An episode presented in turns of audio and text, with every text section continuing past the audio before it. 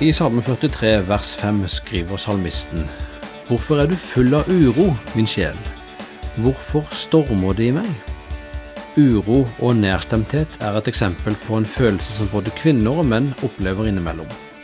Imidlertid, i det forrige programmet vårt pratet vi om at mange menn forsøker å skjule følelsene sine, til tross for at de er skapt i Guds bilde, og til tross for at Gud selv viser mange følelser i Bibelen. Vi menn vil faktisk kunne oppleve det som godt å innrømme at vi har følelser. Det kan hjelpe oss til å takle de på en sunn og effektiv måte. Dette er spesielt viktig i dag, ettersom temaet i dag er depresjoner hos menn.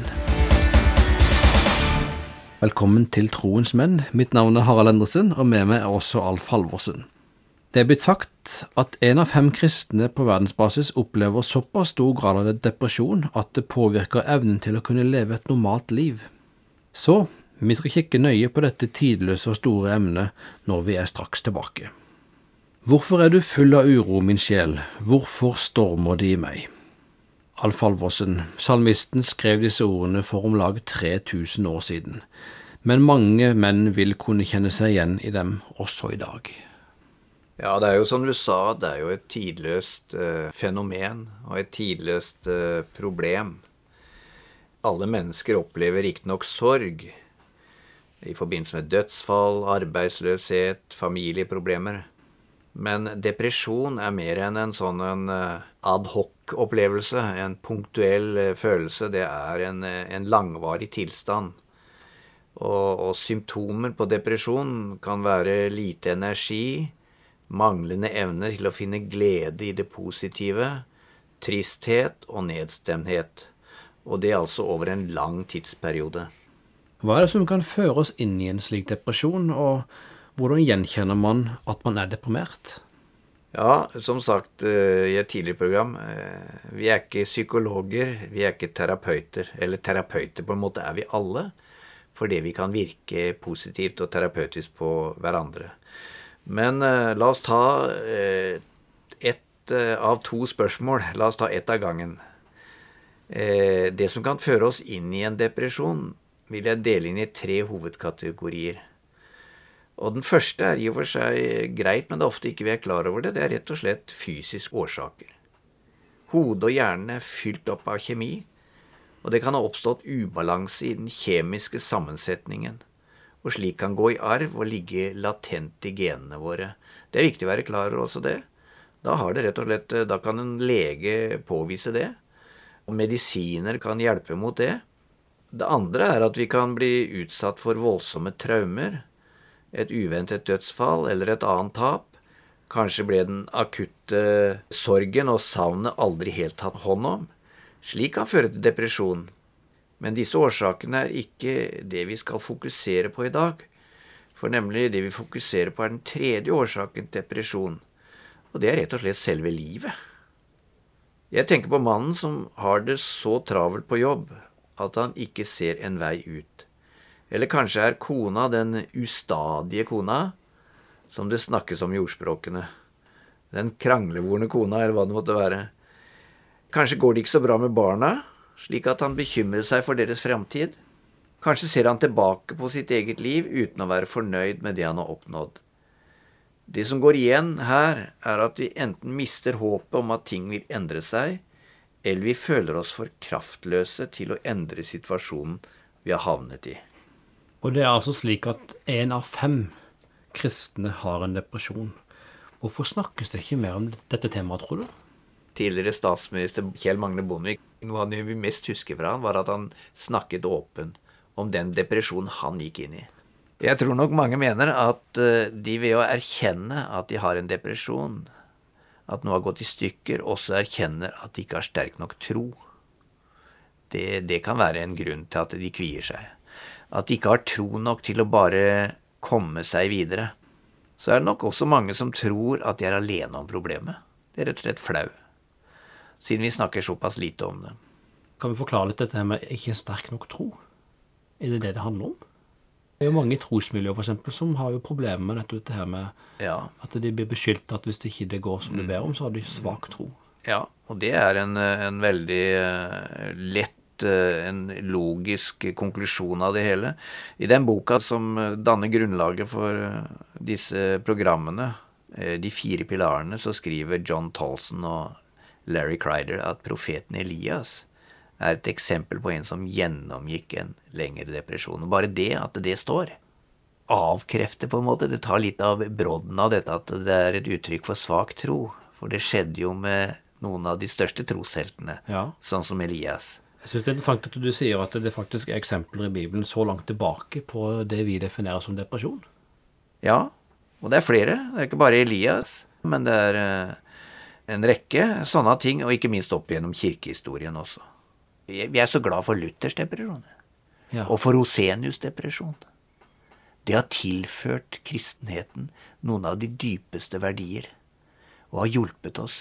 For det er mennesker som gikk igjennom depresjonen, og på den måten, som han sier, Rick Warren, som jeg har sitert ofte, han sier 'Gud sløser ikke med sår', sier han. Han sløser ikke med sår, og en depresjon er et sår, men som kan bli han som trøster oss i all vår trengsel, sier Paulus, for at vi skal kunne trøste andre når de er i trengsel. Så det er en mening med det, og med Elias sin depresjon. Vi kan lære masse av hans opplevelse. Ja, dette må vi snakke mer om. Og, bare før vi går videre nå, så syns jeg det er interessant det at, at når vi er på det mest sårbare, kanskje, i livet, eh, at det er nettopp da Gud kan nå oss på forunderlig vis. Og det, du nevner jo Luther og, og disse andre som har vært dype depresjoner, så har Gud snakka til dem. Og det er jo litt rart med det, at du er i det sårbare, og da det virker som at Gud nettopp da kan nå inn og, og, virkelig påvirke oss, og at vi kan få en annen kontakt kanskje med Gud enn vi har til vanlig. Ja, Bias er jo et interessant eksempel, men jeg tror mange også har opplevd at de kan gå inn i, også inn i en depresjon etter at ting har lykkes. Ja. Når liksom eh, du har seiret og alt sånt, og så plutselig kommer Så kan du slappe av etter seieren, på en måte. Og så så kommer en sånn snikende følelse av tomhet og sånn. Og med Elias, så, så, som det står om i, i første kongebok kapittel 17, 18 og 19, så var jo han en, en uh, profet som uh, våget å stå opp mot 450 Baal-profeter. Og han, det er jo en av de sterkeste, eh, det de kaller for power encounter. Det er en av de sterkeste kraftmøtene i hele Bibelen. Og Elias, han seiret. Men så, plutselig, så like etterpå, så blir han fryktelig redd når dronning Jesabel blir sint på han og truer med å drepe Elia. Så, så, så, blir han rett og slett redd og, og, og, rømmer. Og denne fortellingen står jo i første kongebok kapittel 17, 18 og 19. Men nå som vi har bakgrunnen for Elia og det som skjedde i forkant av at han fikk denne depresjonen, hvilke symptomer ser vi hos Elia på depresjon? Det første vi ser der, er jo da frykt. Han vinner en stor seier, men så fort dronning Esabel truer ham på livet, så glemmer han hva Gud har gjort for ham før. Hør bare hva han sier i kapittel 19 vers 3 og 4. Da ble Elia redd, gjorde seg ferdig og dro av sted for å berge livet. Han kom til Beersheba, som ligger i Juda. Der lot han tjenestegutten sin bli igjen, og selv gikk han en dagsreise ut i ødemarken. Der satte han seg under en gyvelbusk og ønsket at han måtte få dø. Dette er altså samme mannen som uredd utfordret 450 falske profeter. Så, så, veien er kort. Og det er viktig å vite også. Så nå var han redd for dronning Jesabel, han følte seg alene og sårbar, og her kommer vi til poenget. Elia frykter at situasjonen ikke vil komme til å endre seg. Og når håpet forsvinner, så finner depresjonen sin plass. Paulus skriver jo slik, ta på dere Guds fulle rustning, sier han, så dere kan holde stand mot djevelens lumske angrep. Og dette er et sånt eksempel på djevelens lumske angrep. Elia blir grepet av frykt. Hm. Og frykt kan gjøre oss handlingslammet dersom vi ikke er forsiktige? Ja. Det er ikke for ingenting at noen som har telt dette, da, sier at det står eh, 'frykt ikke'. står 365 ganger i Bibelen. Det er noe vi har bruk for, altså, og det betyr at du har et, et frykt ikke for hver dag.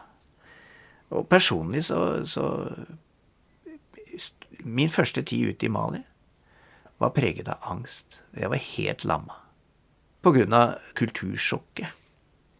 Og angst er jo ikke bare en, en uh, logisk angst. Da blir det ulogisk. ikke sant? Da, da, da er det egentlig ikke noe å frykte, men du, du, du føler allikevel en enorm frykt. Jeg fikk med meg to ord et, en, en, dag hvor vi var uh, i forberedelse til misjonærtjeneste.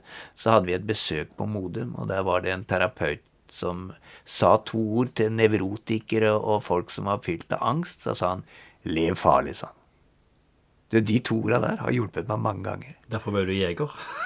ja, kanskje det. Men altså, lev farlig. Det vil si, enten du er en reell fare, rent statistisk, for det er det ofte ikke, men det er eh, i forbindelse med depresjoner, og angst og depresjon henger sammen, så oppleves en del ting fryktelig farlig. Og lammer deg het. Og da sier faktisk eh, erfarne terapeuter gjør det. Lev farlig. Det, det er jo litt, litt typisk menn, da. Ja. Og, og våge litt og klatre opp i trær og fjellvegger og hoppe i fallskjerm. Altså, det, er jo, det er jo litt typisk. Ja, det er akkurat som vi har behov for det. Kanskje det er sunt? Men, men samtidig, den samme mannen, altså, som er kjent for Jeg har opplevd å bli kalt for sånn som var veldig sterk og vågal og tøff misjonær. Rambo-misjonær var det en som kalte meg. Ja, men, Og da kan jeg fortelle at det, som ei dame sa Hun hadde vært 40 år misjonær og hun skulle hjelpe oss unge misjonærer når vi kom ut. Så sier hun jeg har sett mange komme til misjonsfeltet i disse 40 åra. Hun hadde vært i Kina, hun har vært i India, hun har vært i Ecuador. Så kom hun til Mali. Så sier hun jeg har aldri sett noen som har tatt det så dårlig som unge Halvorsen. Så, så ja, det var det er oppmuntringsnådegave. Ja, det er den samme mannen. ja. Så mange ikke sant? Jeg går rundt og forteller om at jeg skøyt en eh, pyton som beit meg i låret i desember i fjor. Den var 3 meter og 20 lang og veide 11,2 kilo. Og det høres jo tøft ut, men den samme personen kan være ynkelig redd og skrøpelig. Det er kort vei dere, mellom de to, og det skal vi bare erkjenne minner meg litt om Paulus når han sto han bitt av slangen, så rista han bare slangen av og gikk videre. Det, ja, jeg tenker på det. Uten sammenligning for øvrig. Ja, ja. Men altså, det som er viktig, da. Frykt kan gjøre oss helt handlingslamme dersom vi ikke er forsiktige. Ja, det kan bli mye tårer, kanskje. Ja. Frykt for at du blir sittende fast i en kjip jobb. Frykt for at du ikke har nok penger til å brødfø familien sin. Frykt for at du ikke er den ektemannen og pappa du egentlig ønsker å være. Frykt, det kan skjule håp, slik skyer kan dekke sola, med depresjon som resultat. Ja, dette er veldig interessant eh, å, å høre. Dersom du har skrudd på akkurat nå, så er det Troens menn du hører på, fra Norea Mediemisjon. Mitt navn er Harald Endresen, og med i studio her er Alf Halvorsen, som er, eh, har vært misjonær i mange, mange år i Mali. I dag snakker vi om depresjon hos menn, og vi snakker om at profeten Elia faktisk gjennomlevde en depresjon. Og Alf Halvorsen, eh, hva er det neste symptomet på depresjon som vi ser hos Elia? Ja, det er jo faktisk syv stykker. Men uh, frykt er altså det første. Og det neste, det er isolasjon. Det står i vers fire at uh, selv gikk han en dagsreise ut i ødemarken. Og isolasjon har bare en destruktiv effekt på vår mentale helse. For når vi er aleine, så er det fort gjort å miste kontakten med virkeligheten og la tankene våre skape bilder som ikke har rot i virkeligheten. For eksempel kan det bli lurt å tro til at dersom vi føler oss deprimert, så er det noe galt med oss. For de mange kristne menn vil være av den oppfatningen at depresjonen skyldes at de ikke tror hardt nok. Ja, og det er utbredt. Eh, mange ser det som en, på en måte en dom over svak tro eller sånt noe. Og, og, og, det er mange som blir uglesett av dette. For mange menn lever i den misoppfatning at dersom du har Jesus Kristus i livet, skal du liksom være lykkelig hele tiden. Det er ikke slik det fungerer. Vi har glede i Herren, men lykken kan snu når som helst. Så hva er det tredje symptomet, da? Ja, det er selvmedlidenhet. At man synes synd på seg selv. I eh, kapittel 19 i første kongebok vers 4 så sier Elia Ta mitt liv, Herre, for jeg er ikke bedre enn fedrene mine. Enkelt forklart ble Elias sittende fast i en typisk stakkars, stakkars meg-tankegang. Dette kan fort oppstå dersom man ser en situasjon gjennom frykt og isolasjon. Dette gjelder ikke bare Elia. I Jakob 5,17 så står det Elia var et menneske under samme kår som vi. Vi er ikke så kjempeforskjellige. Ikke sammenlign, for vi er alle like. Vi menn er fulle av følelser. Vi er alle sårbare i forhold til selvmedlidenhet dersom vi ikke er forsiktige. Dersom vi ikke kjenner disse tegnene på depresjon, kan det fort oppstå problemer. Hva slags problemer da? Ja, menn som er deprimerte, kan bli fiendtlige, irritable, angripe eller kommet med stikk når de blir såret, bli påståelige og kontrollerende, eller de kan bli redde og flaue. Et annet problem er at menn vil forsøke å finne lykken igjen. Med å søke til ulovlige eller reseptbelagte midler, eller porno, noe som er destruktivt og lite meningsfylt, og som kan drive dem enda lenger bort ifra Gud. Det er jo ganske utrolig å tenke på selv en stor profet som Elia, som altså, som du sa, vant over 450 andre profeter, kunne bukke under for frykt, isolasjon og selvmedlidenhet. Ja, og det er derfor vår styrke må hentes fra Gud, ikke fra vår egen Rambo-rykte, eller hva det måtte være, erfaringer. Mm. Og det fører oss inn på det fjerde symptomet på en depresjon, en bleknet og svekket tro. Nå begynner det å bli nokså alvorlige konsekvenser. Ja, for historien eh, om Elia er proppet med henvisninger til Guds mirakler. Men eh, allikevel så glemmer Elia det, og det er alvorlig. Og ettersom han isolerte seg, så var det heller ingen som kunne minne ham om dem. Og det er utrolig viktig å ha noen som kan hjelpe oss til å stole på Guds sannhet og huske de fantastiske tingene han har gjort i våre liv. Som det står i Salme 103, Min sjel, min sjel, lov Herren, og glem ikke alle hans velgjerninger. Paulus skriver jo også det. Jeg skriver dette for å minne dere, minne dere om dette, enda dere vet det. Tenk det, enda dere vet det, så minner oss om det. Det ser ut som det er et mønster her. Frykt, isolasjon, en svekket tro. Eh, vi er ikke på vei i rett retning, i alle fall. Nei, det er vi ikke. Og så står det da altså at Elias satte seg under en gyvelbusk og ønsket at han måtte få dø. Selvmordstanker? Ja, frykt, isolasjon, selvmedlidenhet, svekket tro, alt dette strevde Elia med. Han mistet helt kontrollen, og det kan også skje med oss. Så du som lytter, dersom du tenker hvordan vet disse folka i radioen hva jeg tenker? Det er ikke Harald Endresen og Alf Halvorsen. Det er Den hellige ånd som har ledet deg til å lytte i dag, fordi Gud ønsker at du skal ta viktige skritt i dag for å føle deg bedre. Dersom du har selvmordstanker, må du snakke med en pastor eller en kristen sjelesørger. Det er veldig viktig at du ikke holder dette for deg selv. Det er ingen grunn til å være flau. Som vi har sagt, Elia hadde det på samme måten. Og nå skal vi snakke om hvordan Gud hjalp Elia. Men snakk med en pastor eller en kristen sjelesørger. Og dersom du ikke kjenner noen eller har noen i din nærhet, kan du gjerne ringe Norea Medmisjons forbundstelefon. Den er bemannet hver fredag formiddag 9 til 11.30, og telefonnummeret det finner du på norea.no. Ja, og det er viktig, dette her, å snakke med noen. For menn som er i depresjon, er også slitne, og de føler seg gjerne avvist. Og, og det er de siste to symptomene. Du føler deg for sliten til å prøve flere ganger. Lei av kjedelige dager, og at ingen rundt deg forstår. Det er blitt sagt at dette med at vi føler oss utslitte, er et av djevelens våpen. Han venter til vi er utslitte, for da er vi enkle å angripe. Men du, hold fast ved det. Jeg slipper deg ikke og forlater deg ikke, står det i brevbrevet. Gud er alltid med oss. Jeg er med dere alle dager inn til verdens ende. Og det ser vi også med Elia. Så nå har vi sett syv symptomer på depresjon. Hvordan hjalp så Gud Elia? Det er også på syv måter. For det første så lot eh, Gud Elia forstå at depresjonen var høyst reell. Han blei ikke kjent på. Han ble, fikk ikke høre at han var dum, eller at han hadde for lite tro. Han blei på en måte respektert i den situasjonen han var. Og så oppmuntret Elia, og det er et viktig ting, til å ta det med ro. Ro deg ned. Når du leser historien om Elia i første kongebok kapittel 17, 18 og 19, som jeg har nevnt, så vil du se alt han opplevde. At han var høyst sannsynlig sliten, og det er en parallell til oss som jobber hver dag, og som forsøker å være gode ektemenn og fedre. Det er slitsomt. Så Gud rett og slett lot Elia hvile. Jesus sa jo også det, kom her til sides og hvil dere litt, sa han til disiplene.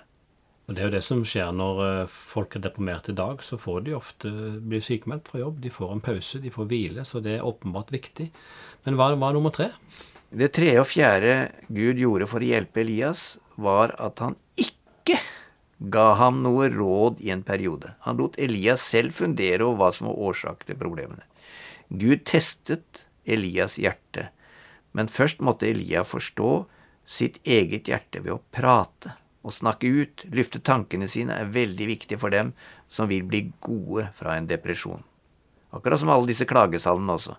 Gud lar de prate. Prate. Og i denne prosessen så, så, så, så er det akkurat som det de, de skjer noe. Sånn at til slutt så, sitter de allikevel med en visshet. Ja, Gud er allikevel ikke langt borte. Han er med oss. Han kan snu det. Og så én ting. Når jeg var deprimert i Mali, vet du hva jeg gjorde?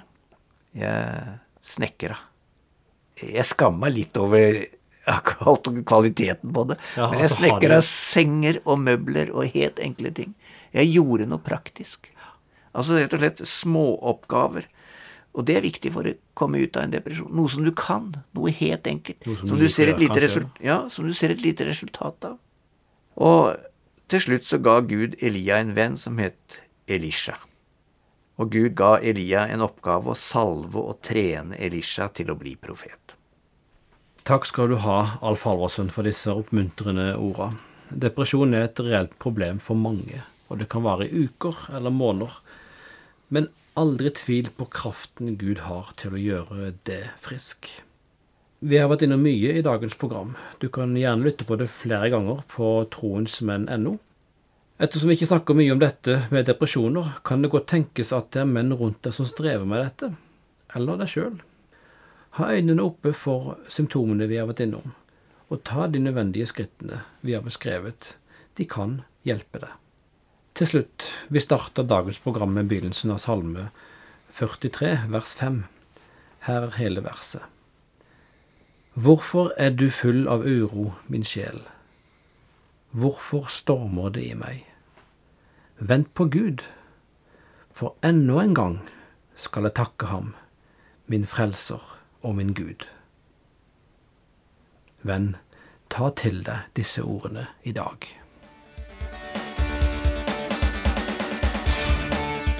Takk for at du hører på Troens menn, hvor menn utrustes og styrkes til å møte sitt gudgitte potensial. I dag har vi snakket om viktigheten av å takle menns depresjoner Bakgrunnsmaterialet til dette programmet har vi fra kapittel 13 i boka De fire pilarer av John Tolson og Larry Crider. Og Troens menn er den norske utgaven av Transfer Radios Champions Arise. Et internasjonalt mannsarbeid oversatt til mange språk, og også til norsk, gjort av Norea Mediemisjon. Du finner alle podkastene på troensmenn.no. Mitt navn er Harald Endresen, og du har også møtt Alf Halvorsen her i studio i dag. Takk for at du hører på Troens menn må Gud forme deg til den mannen han vet at du har potensial til å bli.